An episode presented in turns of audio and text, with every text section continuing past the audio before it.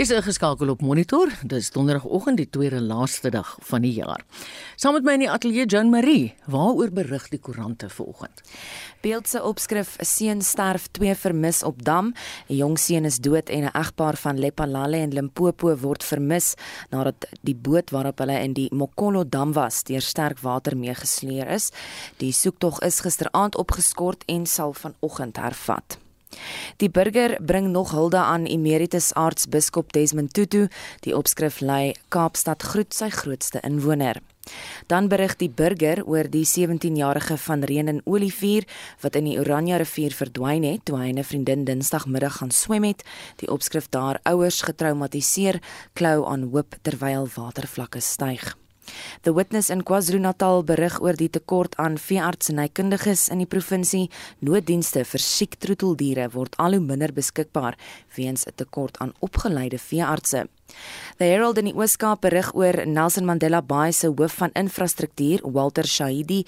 Hy is in November skuldig bevind aan bedrog, geldwasery en korrupsie, maar eis nou 'n 4 miljoen rand se skikkingsooreenkoms. Die opskrif daar municipality warned not to settle, rather to follow disciplinary process. 'n Ander nuusberig Netwerk 24 op sy aanlyn nuuswebblad dat inwoners in die George munisipaliteit water spaarsamig moet gebruik nadat 3 waterpypleidings gebars het. Daar is in die stadium nie waterbeperkings ingestel nie, maar inwoners word gevra om waterverbruik te verminder om te verhoed dat die drinkwater opbraak voordat die herstelwerk voltooi is. En op sosiale media is die hitsmerk Things I Want in 2022 'n gewilde onderwerp. Mense deel hulle nuwejaarsvoornemens op 'n uh, op 'n openbare platform in 'n poging om verantwoordbaar gehou te word. Van die sleutelwoorde hier sluit in sukses, finansiële vryheid, indiensneming, liefde en gesondheid. Daar het jy dit. Ons bring alles wat ons voor kan hoop in die nuwe jaar. dit was Joan Marie Verhoef met 'n nuusoorseig. 14 minute oor 7. Die plaaslike regeringsvereniging Salga se hofaansoek gaan voort om inwoners te dwing om hulle krag net van hulle plaaslike munisipaliteite te koop en nie meer regstreeks van Eskom soos in baie gevalle nie. Dit kan duurder krag beteken. Ons praat nou met die energiekenner Corneel Skabot van die Noordwes Universiteit. Goeiemôre Corneels. Môre Marieta. Jy staan vroeg op in die vakansie net vir ons. Baie dankie. Dit is 'n plesier Marieta. Wat is die motivering van Salga se hofaansoek? Wel, Salga wil geld maak. Dit is die lank en die kort. Daar's 160 miljard rand wat tans nie in die koffers van munisipaliteite eindig nie omrede hulle nie die middelman kan wees vir alle Suid-Afrikaners nie. So daar is so 6,9 miljoen kragverbruikers in Suid-Afrika wat direk by Eskom krag koop. Ek dink aan Sandton, ek dink aan dele in Midrand, Soweto, Orange Farm, maar dan ook groot entiteite so Sasol, AECI en dan ook natuurlik omtrent die hele boerderygemeenskap, die mynbougemeenskap. Hulle koop direk hulle krag aan by Eskom. Nou wat sal dan sê wat interessant is. Ek hou van hulle redenasie, maar hulle redenasie is 'n bietjie in hulle gesigte ontplof. Hulle sê dit is onregverdig dat sekere maatskappye of sekere besighede in streke moet besigheids doen waar hulle krag via 'n munisipaliteit duurder moet kry as 'n ander maatskappy wat op 'n plek is waar dit direk van Eskom kry. So hulle sê daardie maatskappy wat by Eskom direk krag kan koop, het 'n onregverdige voordeel bo die munisipaliteit. Nou ek het 'n baie eenvoudige oplossing. Dan moet dan almal liewers direk by Eskom koop en ons nou sien maar om aan totale mm, nou uit. Mm. Dis 'n hele oplossing natuurlik, maar dit dan 'n ander oplossing is natuurlik want daar's 'n ander bietjie 'n uh, 'n onwaarheid wat nie heeltemal deurkom van Valga nie. As jy byvoorbeeld krag koop in 'n munisipaliteit so Sonplaatjie wat Kimberley is, dan gaan jy aansienlik meer vir jou krag betaal as in 'n ander munisipaliteit soos Nelson Mandela Bay hier in uh, Port Elizabeth. So Quebec altans. Dis sit met 'n groot prysverskil in elk geval daar. So Salga is nie heeltemal eerlik in hierdie mm. benadering nie want krag is nie oral dieselfde selfs die wat deur munisipaliteite voorsien word nie. So ek dink daar's daar's twee dinge wat Salga net in ag moet neem. As hulle hierdie rol as middelman wil oorneem, moet hulle ook die verantwoordelikheid oorneem om die kraginfrastruktuur in stand te hou. Ja. En Marietta, as 'n mens kyk deesdae na substasies Daar's meer vonke en vuurwerke as met oujaarsaand op Diasbaai. So die die feit van die saak is hulle moet hulle eie deur eers bevee. Eers maak eers daar skoon ja. en kry eers die infrastruktuur daar in plek. En dan die ander ding natuurlik, munisipaliteite in Suid-Afrika skuld 40 miljard rand aan Eskom. Mm. As hulle hierdie rol gaan oorneem, waar gaan hulle die geld kry as hulle reeds sukkel om geld te in om aan Eskom oor te betaal. Nou wil hulle Eskom ontneem van daai direkte toegang tot hierdie. So is is 'n paar sake wat nie lekker sit mm. As mens logies sien afkyk nie. Van Corneels, hoeveel munisipaliteite skuld nie vir Eskom groot bedrag geld nie? Aansienlik. Ons praat van 40 miljard rand, die 10 grootste sit almal aan in Mpumalanga en die feit van die saak is ek het ek het 'n statistiek gelees dat jaarliks neem daai bedrag nou met 8 miljard rand toe. Met ander woorde, dit word nie beter nie, dit word slegter. So, aan die een kant kan ek dink dat Salga sê maar as ons dan nou sand, dis nou interessant en ek kan verstaan sand is is hulle betaal mooi. Ons kry sand in se geld in en ons kry Midrand daai area se geld in, maar dan moet hulle verstaan, hulle kry dan ook Soweto by. Ja. En Soweto sit reeds met 5 miljard rand se skuld. So daar, Orange Farm, daar is plekke waar daar baie wanbetalers is en dit kom dan ook as deel van daai munisipaliteit. So jy moet oppas waarvoor jy wens. Net dit dit lyk nou op die oog af, maar maar die feit van die saak is dit dit kom neer daarop dat individue daai 6,9 miljoen wat geraak gaan word, gaan meer vir elektrisiteit betaal. Daai geld gaan eindig in die koffers van munisipaliteite ja. en ons weet reeds wat gebeur. Mm. As ons kyk na plekke soos Lekwa waar waar um, Standerton is en Lichtenburg onlangs Daar's groot maatskappye wat bloot net sê ons gaan nie langer hier vestig nie ja. want julle kan nie dienste lewer nie. O, en die ander ding is en dit bestaan tot ons gebeur waar van die maatskappye betaal geld aan Eskom vir krag so hulle is betalers maar die munisipaliteit versuim bloot om haar geld oor te betaal mm. en wat doen Eskom dan? Eskom stel dan nie beurtkrag nie, dis hierdie rotasiekrag wat hulle dan die die die krag minder maak by mm. by tye en dan trek hulle aan die kortste end. So ek, ek weet nie of munisipaliteite oral in Suid-Afrika uit die aard van die saak daar's munisipaliteite wat wonderlik werk en ek sien van hulle hierso, maar daar staan hulle wat net totaal en al in gebreke is en as mense hulle gaan die die gebruikers gaan verplig hierdie 6,9 miljoen om deur munisipaliteite te werk, dit gaan nie in die beste belang. Ek dink dit is die die slotsom. Dit is nie in die beste belang van Suid-Afrikaners nie. Nou watter tipe prysveranderings kyk ons Corneels? As die aansoek sou slaag. Wel, as jy aansoek slag, kom ek gee 'n idee en ek het gesien in 'n 2020 verslag het Andre de Ruyter gesê dat byvoorbeeld die winsmarge mm. van elektrisiteit, so 'n munisipaliteit koop dit aan by Eskom. In 'n geval soos Tebega, Nelson Mandela, daar's 'n 70% uh, winsmarge. So dit is die minimum. Maar dan vat jy 'n solplaatjie, dit is 2020 die geval, wat 'n 84% winsmarge het op elektrisiteit. Met ander woorde, as hierdie sou slaag, kan dit in sommige gevalle beteken dat die verbruiker tot dubbel ja. vir elektrisiteit gaan betaal as voorheen. Ja. So dit dit hang af watter tarief word ja. gebruik. Onthou ook die ander ding, daai tariewe word nie lukraak net gekies nie, jy moet by Nersa aansoek doen en ek dink dit is waar die probleem inkom. Oorspronklik mag die elektrisiteitprys nie veel hoër gewees het as die koste wat die munisipaliteit moet aangaan om die krag by die gebruiker uit te bring nie. Maar wat nou gebeur is, elektrisiteit word die voertuig om miljoene in te samel mm. om ook ander sake aan te spreek wat absoluut niks met elektrisiteit te doen het nie. So dit word hierdie goue gaans wat net aan nou eiers lê en wie is daai goue gaans? Dit is ons die belastingbetaler. Ja. Superman se nigtermaag is dit nou nie eintlik goeie nuus nie. Baie baie dankie vir jou vroeg opstaan Corneels. Dis Corneels Kabot. Hy's 'n dosent aan die skool vir chemiese en mineraal ingenieurswese aan die Noordwes Universiteit.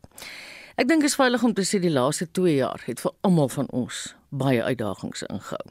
Maar dit geld ook vir die onderwysstelsel. Vir 'n opsomming van die jaar se groot uitdagings vir skole, ouers, leerders en onderwysers, praat ons nou met 'n onderwyskenner, Dr. François Nodee. Goeiemôre François. Goeiemôre Marieta. Die Menseregte Kommissie het vroeër vanjaar aangevoer dat die rotasie leerstelsel, dis nou waar leerders vir 2 weke skool toe gaan en dan vir 2 weke by die huis moet leer, ondoeltreffend was. Wat is jou opinie hieroor?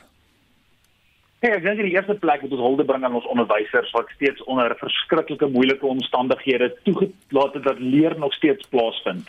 Maar um, die Menseregte Kommissie en die ander navorsing wat dit gekom het, is 100% korrek. Dit is so ondoeltreffend vir al vir ons land Ons moet verstaan dat die uitdagings wat um, ons leerders um, in in die land um, ondervind is enorm om iets soos afstand leer want dit is waarop dit neergekom het mm. om hierdie tipe onder on, ononderbroke of onderbroke leer en afstand leer um toe te pas is net eenvoudig nie moontlik nie. As ons kyk na goed soos die onvoldoende internetdekking um, reg oor die land, ons kinders het nie hulle eie toestelle waarop hulle kan werk nie. Die koste van data is so duur. Ons onderwysers is nie voldoende opgelei om hierdie tipe krisisbestuur en krisisleer effektief te doen nie. Um kan ons nie verwag dat so 'n tipe rotasie leerstelsel vir enigsins doeltreffend kan wees nie.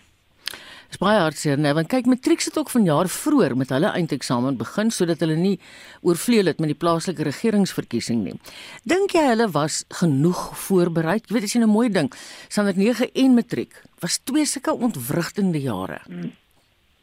Kyk, die die die die die die, feit dat die eksamen vervroeg is, is nie vir my so 'n groot uitdaging nie. Dit is 'n paar dae, dit letterlik voor 'n naweek geskei mm, en mm. dis Engels en dis besigheidstudies wat op 'n enige dag is daar 'n naweek se leer wat verlore gegaan het net as gevolg van die verkiesing. Maar as ons kyk na die feit dat die graad 11 en die matrieks het basies 2 jaar laas regtig eksamen geskryf. So ja. daai eksamen oefening, ehm ja. um, is hulle nie regtig nie. Hulle het verskriklik min geleentheid gehad en onderwysers ook min geleentheid gehad om ehm um, weet voldoende die die inhoud te leer en die konsepte te leer. So ons moet sien hoe lyk die um, matriek uitslae uh, nou in Januarie in vergelyking met uh, die vorige jaar natuurlik 2 jaar uh, voor dit. Maar ek dink ons matrieks en ons leerders en die onderwysers um, is is gerad genoeg om hierdie tipe uitdagings te hanteer, maar dat die angs wat by ons onderwysers en wat by ons leerders ontstaan het as gevolg van die onsekerheid wat die wat die staat met hulle besluite. As jy onthou, um Oktober maand wou hulle die vakansie geskraap het mm. en die die wat gebeur het met die onderwysers en vakbonde en goed in daai tyd, al hierdie onsekerheid maak dit net nog soveel moeiliker in 'n moeilike tydperk. Jy weet ek en jy het matriek geskryf, was dit nie ontwrigtend of niks, ons het elke dag skool toe gegaan en dit was vir my erg genoeg. Nou kan jy nou dink. Ons het deur die loop van die jaar baie van boelie gedrag gehoor. Ek dink byvoorbeeld aan daai arme kind, die graad 10 leerling van Limpopo, Lufuno Mafungo, wat op 15 jarige ouderdom haar eie lewe geneem het. Dis nou nadat 'n video aan die lig gekom het waaraan sy geboelie word. Word daar genoeg gedoen om leerlinge wat geboelie word en selfs die stouters wat boelie te help? ons moet verstaan dat boelie gedrag is deel van menswees en ons kan nie ons kan nie dit ontken nie. Ons moet onthou ek en jy op skool was uh, voor internet era, was daar steeds boelie gedrag gewees, mm. maar ons was geboelie op die skoolgrond ja. tydens skooltyd. Wat nou gebeur in 'n internet era is jy kan nie regtig, jy weet, um, 'n um, wegkruip vir jou boelie nie want jou boelie is die hele tyd saam met jou op die nuwe speelgrond en die nuwe speelgrond maak nie toe nie. So jy's die heeltyd onder hierdie um um akute angs wat kroniese angs wat die heeltyd um, um op jou is. En ons weet ons tieners um onder groepsdruk wil graag jy weet trend op TikTok en ons wil um weet baie mm. sosiaal aanvaar word op die sosiale media platforms. So die druk wat ontstaan raak net al hoe meer. So wie, wie is verantwoordelik om te help met boelie gedrag en vir die ondersteuning van mense wat geboelie word en vir die wat boelie. En daar's nie 'n definitiewe antwoord nie. Ons sou sê dit begin by die huis. En wanneer sake by die huis reg is en jy het ouers wat ehm um, kan kan leiding gee en raad kan gee, ehm um, help dit ook klaar. Maar ons ouers het nie groot geword op hierdie speelgrond nie. So die ouers is onbewus van wat ehm um, hoe 'n mens 'n digitale burger kan wees. Ja. En ek dink ehm um, wat, wat ons kan doen is daar is baie um effektiewe programme wat op die internet beskikbaar is iets soos Google se Be Internet Awesome is 'n baie um, 'n goeie program of eintlik maar speletjie wat leerders en ouers kan help om bietjie meer um, um savvy te wees oor um jou digitale ja. burgerskap maar dat dit skole se rol ook is is belangrik. Maar ons kan nie verwag dat met alles wat aangaan dat skole die enigste rolspelers moet wees wat ondersteuning um, en met hulp gee vir boelies en vir die wat geboelie word nie. Jy weet Frans wat die departement van basiese onderwys het nou ook die skolewet gewysig om ouers te verplig om hulle kinders na graad R toe te stuur. Maar nou hoor ek ouers en voogte kan tot 'n jaar tronkstraf kry as hulle dit nie doen nie. Wat is jou opinie daaroor? Ek dink die intensie agter die wetgewing is baie goed. Dit is dit is belyn met beste praktyk internasionaal. Um dat leerders weet van graad R tot graad 12, daai 13 jaar min of meer formele skoolopleiding kry. En ons weet dit is goed vir kinders om op 'n vroeë ouderdom alreeds gestruktureerde um, onderwys te kan ontvang. So ek dink die die intensie van die wetgewing is goed. Hoe uitvoerbaar die wetgewing is, dink ek nie is is 100% daar nie. Ja. Um, as ons net dink ons infrastruktuur is nie voldoende genoeg nie. Die koste wat daaraan gaan wees om skole te bou, om klaskamers te kry, om onderwysers op te lei. Ons kyk na iets soos 12 miljard rand wat die ja. departement van onderwys moet gebruik om hierdie tipe wetgewing te kan toepas. So die intensie is goed, die uitvoerbaarheid daarvan dink ek is nie 100% daar nie. François baie dankie vir jou insig. Dit was 'n onderwyskenner, Dr. François Nodie. Die ANC veteraan en sakevrou Cheryl Carolus het emeritus aartsbiskop Desmond Tutu geloof vir sy nalatenskap. Sy het gepraat by 'n intergeloofsdiens wat gisterand in die Kaapstad se stadsaal gehou is. Father Desmond survived polio as a child, tuberculosis as a teenager, and a few bouts of prostate cancer as an adult. We know that he was not well over the last while and that he himself was ready to go and that he left us in peace surrounded by those whom he loved and those who loved him. Give thanks to Father's family, friends, and colleagues who gave meaning to his life and who gave him strength. We give special thanks to his pillar of strength, his soulmate, the love of his life, Mam Leah. Mama, thank you for your steadfast love, for the joy and love, laughter you gave to our Father. Die burgemeester van Kaapstad, Jordan Hill Lewis, sê Tutu het altyd in 'n beter toekoms vir die land geglo. The large part of his ministry was spent under oppression, harried and harassed as he persevered in his act of service, kept the faith and hope alive for South Africa's future. He always believed that a better future was possible, even if not yet visible an early prophet indeed. The arch saw what South Africa's future must look like, even if oftentimes it felt as though he would not personally receive it. Premier Ellen Wendy sê Tutu het 'n eerbare lewe gelei. We rejoice and give thanks for your life, Arch, for the way in which you lived your truth, your courage and your compassion. Just imagine a world without the Arch. Just imagine our world without the arch. And so, as we gather tonight, as we gather in our families, as we sign condolence books across our towns, our community halls, we will all be reflecting and imagining the difference that you have made. Mampila Rampila sê namens die Tutu gesin dat mense sy lewe moet vier deur terug te keer na die kern van Ubuntu. I would like to plead with all of us, not just those who are here, but all over who are listening and who will be celebrating the Archbishop for the rest of this week, that can we, can we dare to recommit to live a life that is infused by the values of Ubuntu as the Archbishop taught us. Because then life, love, hope, faith becomes so much easier if we simply return to the essence of being human. Verskeie kunstenaars en leiers van verskillende geloofsorganisasies het ook hulde gebring aan die anti-apartheid struggle ikoon.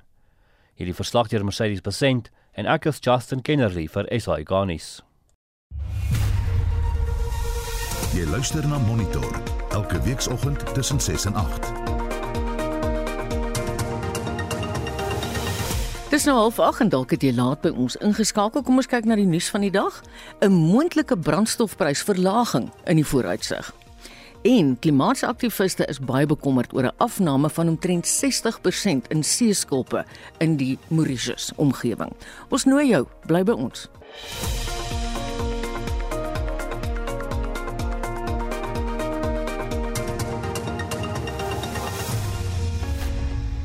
Hier in die vakansietyd het ons die gewone 2 uur monitor verkort na 'n uur monitor tussen 7 en 8. Ek hoop jy kan rustig in jou bed lê en sommer net 'n koppie koffie drink of wat ook al terwyl jy na ons luister. Klimaataktiviste is baie bekommerd oor die afname in seeskulpe in Mauritius. Skulpe het nog altyd 'n belangrike rol in die kultuur van Mauritius gespeel, maar oor die afgelope 30 jaar is daar 'n afname van sowat 60% in seeskulpe aangeteken. Vir meer oor die verskynsel praat ons nou met professor François Engelbreg. François is van Wits Universiteit se Global Change Instituut. Goeiemôre François. Môre sien maar dit. Kom, ek het nou gesê dit speel 'n belangrike rol, maar vertel bietjie vir ons, wat is hierdie belangrike rol van seeskulpe?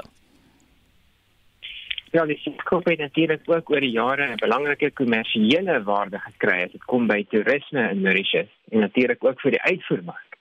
En dis eintlik waar die probleem begin vir die skulpe. Mm. Want uh, oor die laaste 20 jaar is dit eintlik 'n hulpbron wat oorbenut word. O, ek So dan natuurlik baie professionele skulpoptellers vir die skulpe optel om die toeriste te verkoop. Maar wat nog erger is is dat van die lewendige skulpdiertjies natuurlik gevang word en benut word terwyl hulle nog lewendig is. En uh, dit het baie net so erg geraak dat die regering nou oor die laaste 15 jaar wetgewing begin instel het om die skulpe te beskerm. So die optel van skulpe op Mauritius strande word nou baie streng gereguleer. En skulpe mag ook nie meer verkoop word aan toeriste nie. En die uitvoer van Mauritius skulpe is nou ook verbode. Dit is hoe ernstig die probleem yeah. geraak het. Mm. So dit gaan in die eerste plek oor die oorbenutting van die hulpbron. Maar tweedens is klimaatsverandering ook 'n belangrike faktor. En uh, baie luisteraars het dalk al gehoor van die probleem van koraalrif verbleiking. Mm. Nou dit is iets wat toenemend gebeur soos wat die aarde al hoe warmer word. En soos wat die groot El Niño gebeurtenisse al sterker word, soos die eerste een wat Mauritius afekteer het, was die groot El Niño van 1997-98. En meer onlangs die groot El Niño van 2015-16 verbleik koraalriwe reg oor die wêreld se tropiese oseane. En in die strandmere van Mauritius het ons nou al byna 50% van die korale verloor weens hierdie verbleikingsprobleem. En dit affekteer natuurlik die hele ekosisteem, insluitend die die skulpdiertjies. En dit is 'n verdere bydraende faktor tot die vermindering, hierdie drastiese drastiese vermindering in in skulpe en skulpdiere aan die kus van Mauritius. Frans, ek herinner my histories, maar nou praat ek van lank terug. Het daar wel skulpe uitgespoel op Mauritius se strande, maar dit gebeur nie meer nie. Absoluut. Net as jy nou kyk na die die foto's van ehm um, skulpe aan die strande van Mauritius sien in die jare 70. Mm. Wat is natuurlik ongelooflike ryk area in terme van die diversiteit van verskillende skulpe en ook hierdie besondere groot skulpe wat soveel uh, kommersiële waarde het as ornamente en ook vir versameling. Ja. En uh, soos jy nou reeds genoem het in die inleiding, oor die laaste 3 dekades is daar nou hierdie drastiese afname in die hoeveelheid skulpe en ook in die diversiteit daarvan. So hier is eintlik 'n baie goeie voorbeeld van die onvolhoubare gebruik van hulpbron. En klimaatsverandering het natuurlik nie die probleem vererger oor die afgelope 15 jaar in die besonder uh, soos wat die die korale verbleikingsprobleem toeneem. Is ook 'n verdere probleem natuurlik. Uh, al hierdie koolstofdioksied wat ons in die atmosfeer inpomp, Mm. byna 40% daarvan word geabsorbeer deur die wêreld se oseane. En dit lei geleidelik tot 'n proses wat ons noem die wat ons verwys as die versuuring van die oseaan. So, Ja, ja. so, so, so die seevlak pH-waarde is geleidelik besig om af te neem en dit affekteer natuurlik ook al die al die diertjies wat kalsiumkarbonaat ehm um, eksoskelette vorm. Mm. So soos wat die soos wat die seewater toenemend suur word, affekteer dit ook die kwaliteit van van skulpe. Dit die skulpies word dunner. Sommige eh uh, skulpdiertjies eh uh, eksoskelette word geleidelik kleiner as gevolg van hierdie effek van die versuuring van die wêreld se oseane. Is ek reg as ek sê Frans, so ons sien die verskynsel eintlik meer by die Indiese Oseaan eilande. Nee, Marita, um, dit is natuurlik besonder opvallend in die dele van die Indische Oseaan waar daar so 'n uh, baie ryk natuurlike hulpbron is van skulpdiere. Maar die probleem van oseaanversturing is iets wat ons reg oor die wêreld waarneem. En as dit kom by die koraalrif verblykingsprobleem, by die ekosisteem se nadeelig raak, dit is iets wat voorkom reg oor die wêreld se tropiese oseane en sluit natuurlik die Indiese Oseaan. Goed, goed. So dit is nie net in die Indiese Oseaan, dis oral. Sommige gevaar by 'n probleem en die, die verdere skokkende resultaat is Die voorspelling is natuurlik dat wanneer globale verwarming 'n vlak sal bereik tot af van omtrent 1.5 grade Celsius, dan kyk ons na die vernietiging van 90% ja. Van die wêreld se tropiese koraalriviere, die sogenaamde warmwaterkorale. Mm. En indien die globale verwarming 'n uh, vlak sal bereik van 2 grade Celsius, kyk ons na die vernietiging van al die wêreld se warm koraalriviere. Ja. So die warm korale, so ons gaan hierdie wonderlike ekosisteem heeltemal vernietig met globale verwarming van tussen 1.5 en 2 grade Celsius. So probeer Mauritius voorstel sonder enige mm. korale. En ehm um, ongelukkig, soos wat ons nou weet, die die 26ste konferensie van die partye, die Groot Verenigde Nasies klimaatonderhandelingsproses was nie suksesvol om 'n verbintenis te verkry wat globale verwarming kan beperk tot onder 1.5 grade ehm um, of 2 grade Celsius van globale verwarming. So die huidige verwagting wat ons het, is dat ons die gemiddelde vlak in die wêreldtemperatuur van 'n uh, verhoging van 1.5 grade Celsius gaan bereik so vroeg as die vroeë 2030. So ons is eintlik ja, dalk net 10 jaar weg. Mm. van hierdie vernietigende vlak van globale verwarming en op die oomblik lyk dit nie realisties dat ons gaan regkry om dit te voorkom nie. Baie dankie vir jou inset vanoggend. Dit is baie ontstellend. Dit was professor François Engelbreg van die Wits Universiteit se Global Change Instituut. Maak jou reg vir 'n heerlike storie. Die Jack Russell polisiehondjie, Snoekie van Woester in die Wes-Kaap, maak wyd opslaa nadat hy gehelp het om dwelmhandelaars aan die pen te laat ry. Snoekie is 14 jaar oud en is al sedert 2015 'n lid van die Brede Rivier Honde eenheid weet julle wie het vir ons die volledige besonderhede Joan Marie Verhoef. Snoekie is 'n stertwaaiende lid van die polisie nadat sy hanteerder, sergeant Shazan Swanepoel, hom aan die polisie diens geskenk het. Swanepoel verduidelik hoe die vierpotige dier in sy lewe nes geskrob het. Daar was eendag 'n skiepoorval in Relatief Slegs, dit is 'n area hier ons in Woester En die hondjie het nou daar rondgeloop en die volgende dag toe ons weer gaan werk, het ons maar weer daar patrollies gery en toe tel ek weer die hondjie op. So 'n bietjie rond gevra daar, niemand het was niemand so hondjie.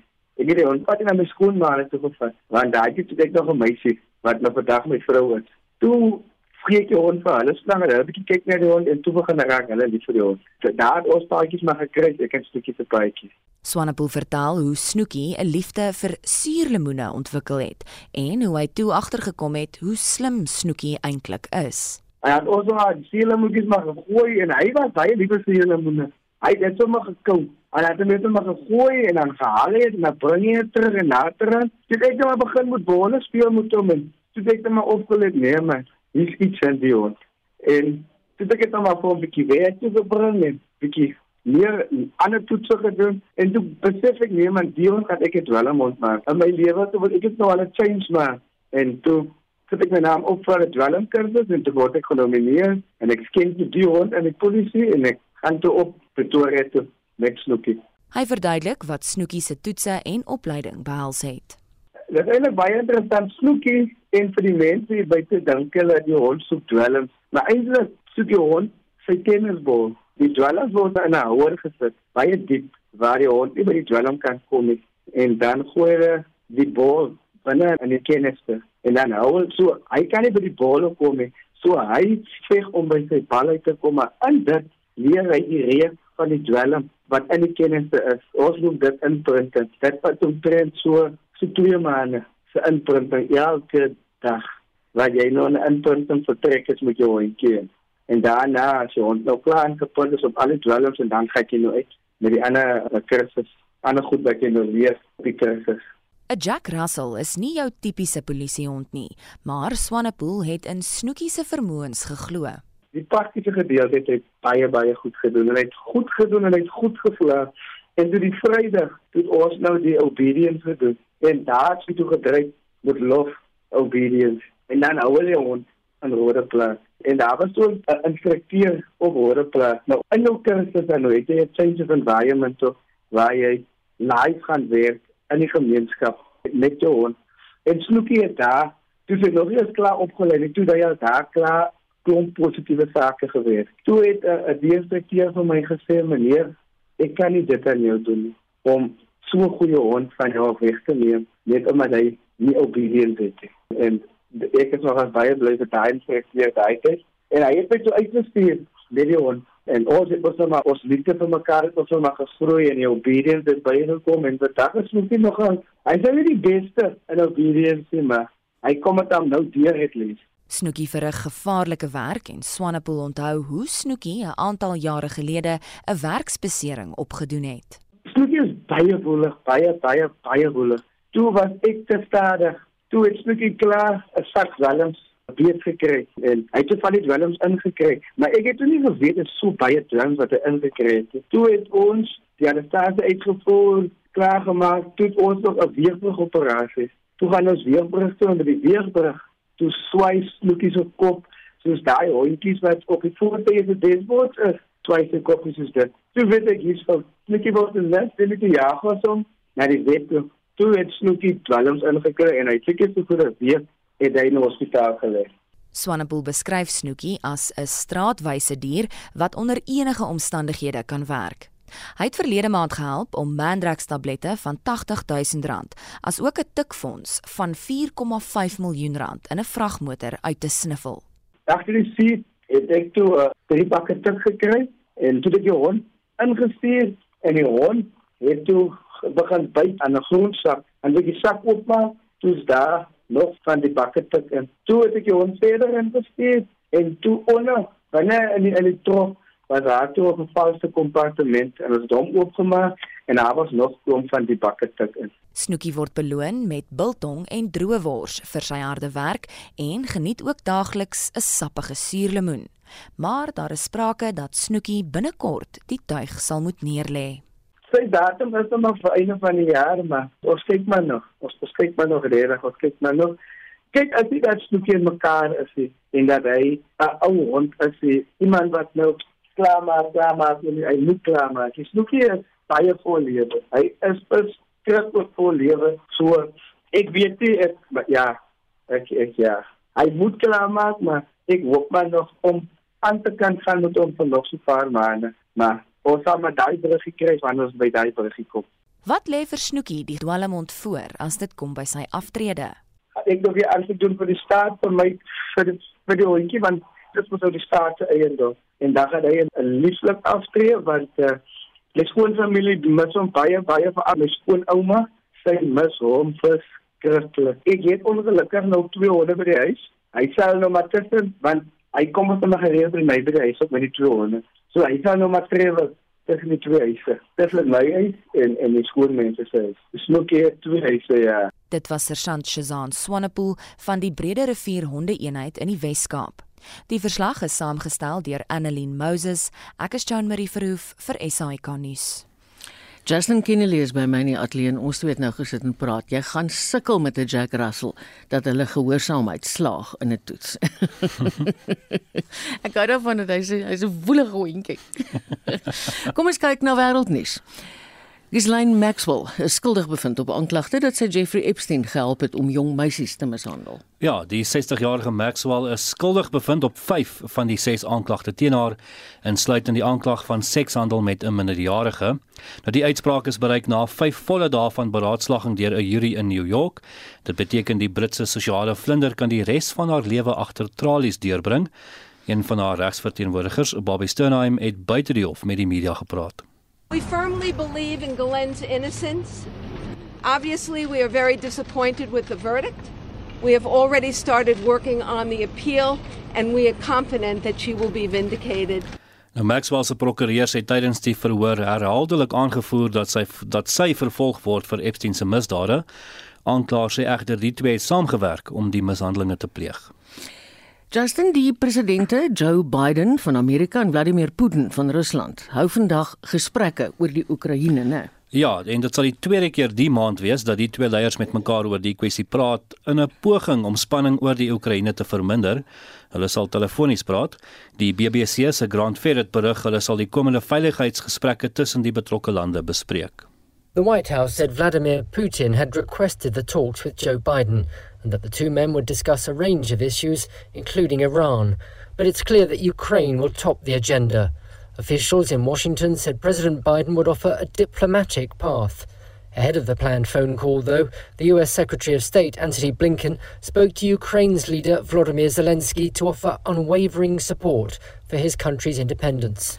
Die stem daar van die BBC se Grant Ferret dat die FSA het ook Europese leiers geraadpleeg voor die oproep om 'n uh, gemeenskaplike reaksie op die kwessie te koördineer, lei 'n verklaring van die Withuis. En laastens, 'n ice Mageddon waarskuwing volg na rekordtemperature in die Amerikaanse deelstaat Alaska aangeteken is. Ja, en Alaska is die koudste Amerikaanse deelstaat, maar het Sondag sy warmste Desemberdag ooit aangeteken te midde van 'n ongewone warm winterseisoen. Nou temperatuur het tot 'n uh, rekord van 19,4 grade Celsius op die eiland Kodiak gestyg, amper 7 grade warmer as die staat se vorige hoogtepunt. Ja. Maar elders in Alaska het temperature tot rekordlaagte uh, punte gedaal. In die suidoostelike dorp Ketchikan het temperature op Kersdag tot -18 grade Celsius gedaal, een van die dorp se koudste Kersdae in die afgelope eeu. Eeuw. Nou ysreën en sneeu het so dik aangepak op uh, paaie in Alaska dat um, dit soos harde sement nou op die paaie lê. Dit is goed blykbaar uiters moeilik om te verwyder en die owerheid sê die ys sal waarskynlik tot Maart of April volgende jaar nog daar wees. Wow. En uh hierdie koue temperature het ook tot wyd verspreide kragonderbrekings gelei.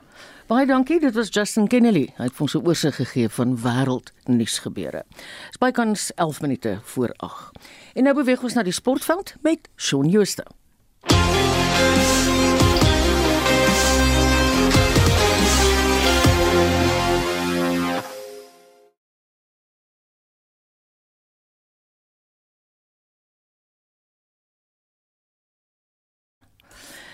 Ons gaan nou vorentoe met ons sport. Ons het net gou op die oomblik 'n klein tegniese probleempie, maar ek kan jou ook nog sê in geval of jy wonder waaroor dit gaan, ons gaan later vandag ook praat oor Dakar. So bly gerus ingeskakel. In the last week, I've come back with numerous positive COVID tests and we've tried different labs. I've been getting a lot of messages from people showing their support. To those people, thank you so much. I've also been getting a lot of messages of people saying, you know, there's ways and means of getting by and getting a negative COVID test. Um, but morally, I believe in my as me as an athlete. Um, got to do things the right way, and especially going to a race like Dakar, you got to tick all the boxes because while you're racing there, it's gambling, you know. And um, gambling before the race is not who I am. I believe that this has happened for a reason. Risking going to the start of the Dakar rally and landing in Saudi Arabia without knowing that I'm going to test negative or possibly test positive is too much of a gamble. There's too much money on the line, the time and effort I've sacrificed and put into through this year, and as well the money coming from sponsors and ASP, you know, to go there, activate the entry, and then test positive, we lose everything. By submitting my positive COVID test, pulling out now, we refer my Dakar to 2023, and that way we don't we don't lose any money. It's the best, safest option. So just want to say a huge thank you to everyone for the support. I want to thank ASP for backing me on this decision. From my side, I'm fine. I'm absolutely heartbroken. I've been building up for this for a whole year and it's it's it's it's heartbreaking. I'm I'm I don't even have the words. I don't even know what to say. But it is what it is and I believe this has happened for a reason and we build to be better, stronger, we move upwards and counting down the days to 23. Ja, en daai was die stem van Suid-Afrika se vroue motorfietsryer Kirsten Landman. Ek het juis vir net nou verwys na Dakar. Kirsten het besluit om te onttrek uit die 2022 Dakar tydren want sy het positief getoets vir COVID-19. En sy het op Facebook mense bedank vir hulle ondersteuning. Sy het hier ook baie dankbaar geklink vir almal van haar borgers tot ondersteuners. En um, die Dakar tydren vind weer plaas in Saudi-Arabië en dit begin eerskomende Saterdag. En nou saam met Shaun na die sportveld. In vanoggend se verslag, die Proteas korte verdere 211 lopies op dag 5 om die eerste toets teen Indië te wen. Engelse Premierliga uitslaa en bepalinge en die wêreld se voorste mans tennisspeler onttrek uit die ATP spanbeker toernooi. Die Proteas begin dag 5 van die eerste toets teen Indië op Supersport Park in St Jordan, later op 94 vir 4 in hulle tweede beurt en moet 'n rekord 305 aanteken om die toets te wen. Engeland se 251 vir 8 is nog die hoogste wentelling wat in die vierde beurt op Supersport Park aangeteken kon word. Indy is gister vir 174 in hulle tweede beurt uitgebal met Kagiso Rabada en Marco Jansen wat beide 4 paaltjies elk plat getrek het. 10 Elger op 52 nie uit nie is voor die penne. Onthou gerus dat Pieter van den Berg gereeld verslag doen oor gebeure. Die Windies het die tweede wedstryd van hulle onder 19 reeks teen Suid-Afrika gister met 8 paaltjies gewen en die reeks van 4 wedstryde met 1 elk gelyk opgemaak. Sokker. In gisteraand se Engelse Premierliga wedstryde het Manchester City weg 1-0 teen Brentford geseëvier en Chelsea en Brighton and Hove Albion het 1 elk gelyk opgespeel. Manchester United speel vanaand kwart oor 10 teen Burnley terwyl die wedstryd tussen Everton en Newcastle United weens COVID uitgestel is. En laastens in tennisnuus, die wêreld se voorste manspeler Novak Djokovic van Servië het uit die ATP span beker toernooi wat Saterdag begin onttrek. Die wêreldnommer 33 Dusan Lajovic sal nou Servië in Sydney aanvoer. Dit is ook nog nie duidelik of Djokovic aan die Australiese Ope wat op 17 Januarie afslaan gaan deelneem nie. Organiseerders verwag dat spelers en al spanpersoneel teen COVID ingeënt is, maar Djokovic het tot dusver geweier om sy status bekend te maak en was voorheen ook teen die inenting gekant. Rusland is ook die verdedigende kampioene daar in Sydney. Shaun Schuster, RSG Sport. Die minister van Polisie Bekkie Cele sê nie regeringsorganisasies en ander burgerlike groepe het 'n optog teen geslagsgebaseerde geweld in Umlazi, KwaZulu-Natal gehou. Die aantal verkrachtings wat in die gebied aangemeld word, is van die hoogste in die land. Weer Joan Marie. Die optog was 'n poging om bewustheid oor die voorkoms van geslagsgebaseerde geweld gedurende die feesseisoen te skep. Die misdaadstatistieke vir 2019-2020 toon dat Inanda, Umlazi en Umtata die hoogste aantal verkrachtings in die land aangeteken het. Die minister van polisie, Bekkie Cele, sê die situasie is kommerwekkend. We are calling the communities to say as the police we will do partnership with all other organizations with communities because we believe that we can't win this war alone. Volgens die nuwe regeringsorganisasie Mzansi Act Now is die toename in die aantal verkrachtings wat aangemeld word 'n teken dat bewusmakingsveldtogte vrugte afwerp. Die organisasie se voorsitter is Tebogo Lerole. We are saying no to gender-based violence 365 days a year. So this is a stance that proves that in the hottest areas or the hottest hotspots, we will go there, we will create awareness. We want to make sure that every man in every corner they are hiding in, if you're a perpetrator, it's high time you start changing because the police are reinforcing, the police want to work with the community, and the Minister of Police has also said something very important two weeks ago that if you rape anyone, no police station is going to give you bail. So that for us is a win. Intussen het die adjunkvoorsitter van KwaZulu-Natal se alkoholowerheid, professor Bonke Dumisa, mense gemaan om nie drank as 'n verskoning te gebruik om vroue en kinders te mishandel nie. If you commit crime, you belong in jail. And you cannot use the excuse and the defense that you were under the influence of liquor, so you, you, you have some impunity. That is not the case. And we, as liquor authority, are saying no to GPV. Dit was die adjunkvoorsitter van KwaZulu-Natal se alkoholowerheid, professor Bonke Dumisa. Die verslag van Vanelle Mhlongo in Durban. Ek is Joan Marie Verhoef vir SAK nuus. Oujaarsaand is op hande en Brooklyn Theater staan gereed met 'n feestelike ligte klassieke konsert vir die hele gesin in die gemak van u eie tuiste. La Petite Vals. Die Brooklyn Theater Salon Ensemble speel 'n lip lekker allegaartjie van walse en fliekmusiek verwerk deur Willem Vogel. Stroom saam vanaf 31 Desember op www.brooklyntheater.tv. Daar's om iets te sê vir die jeug hoor, hulle werk baie hard.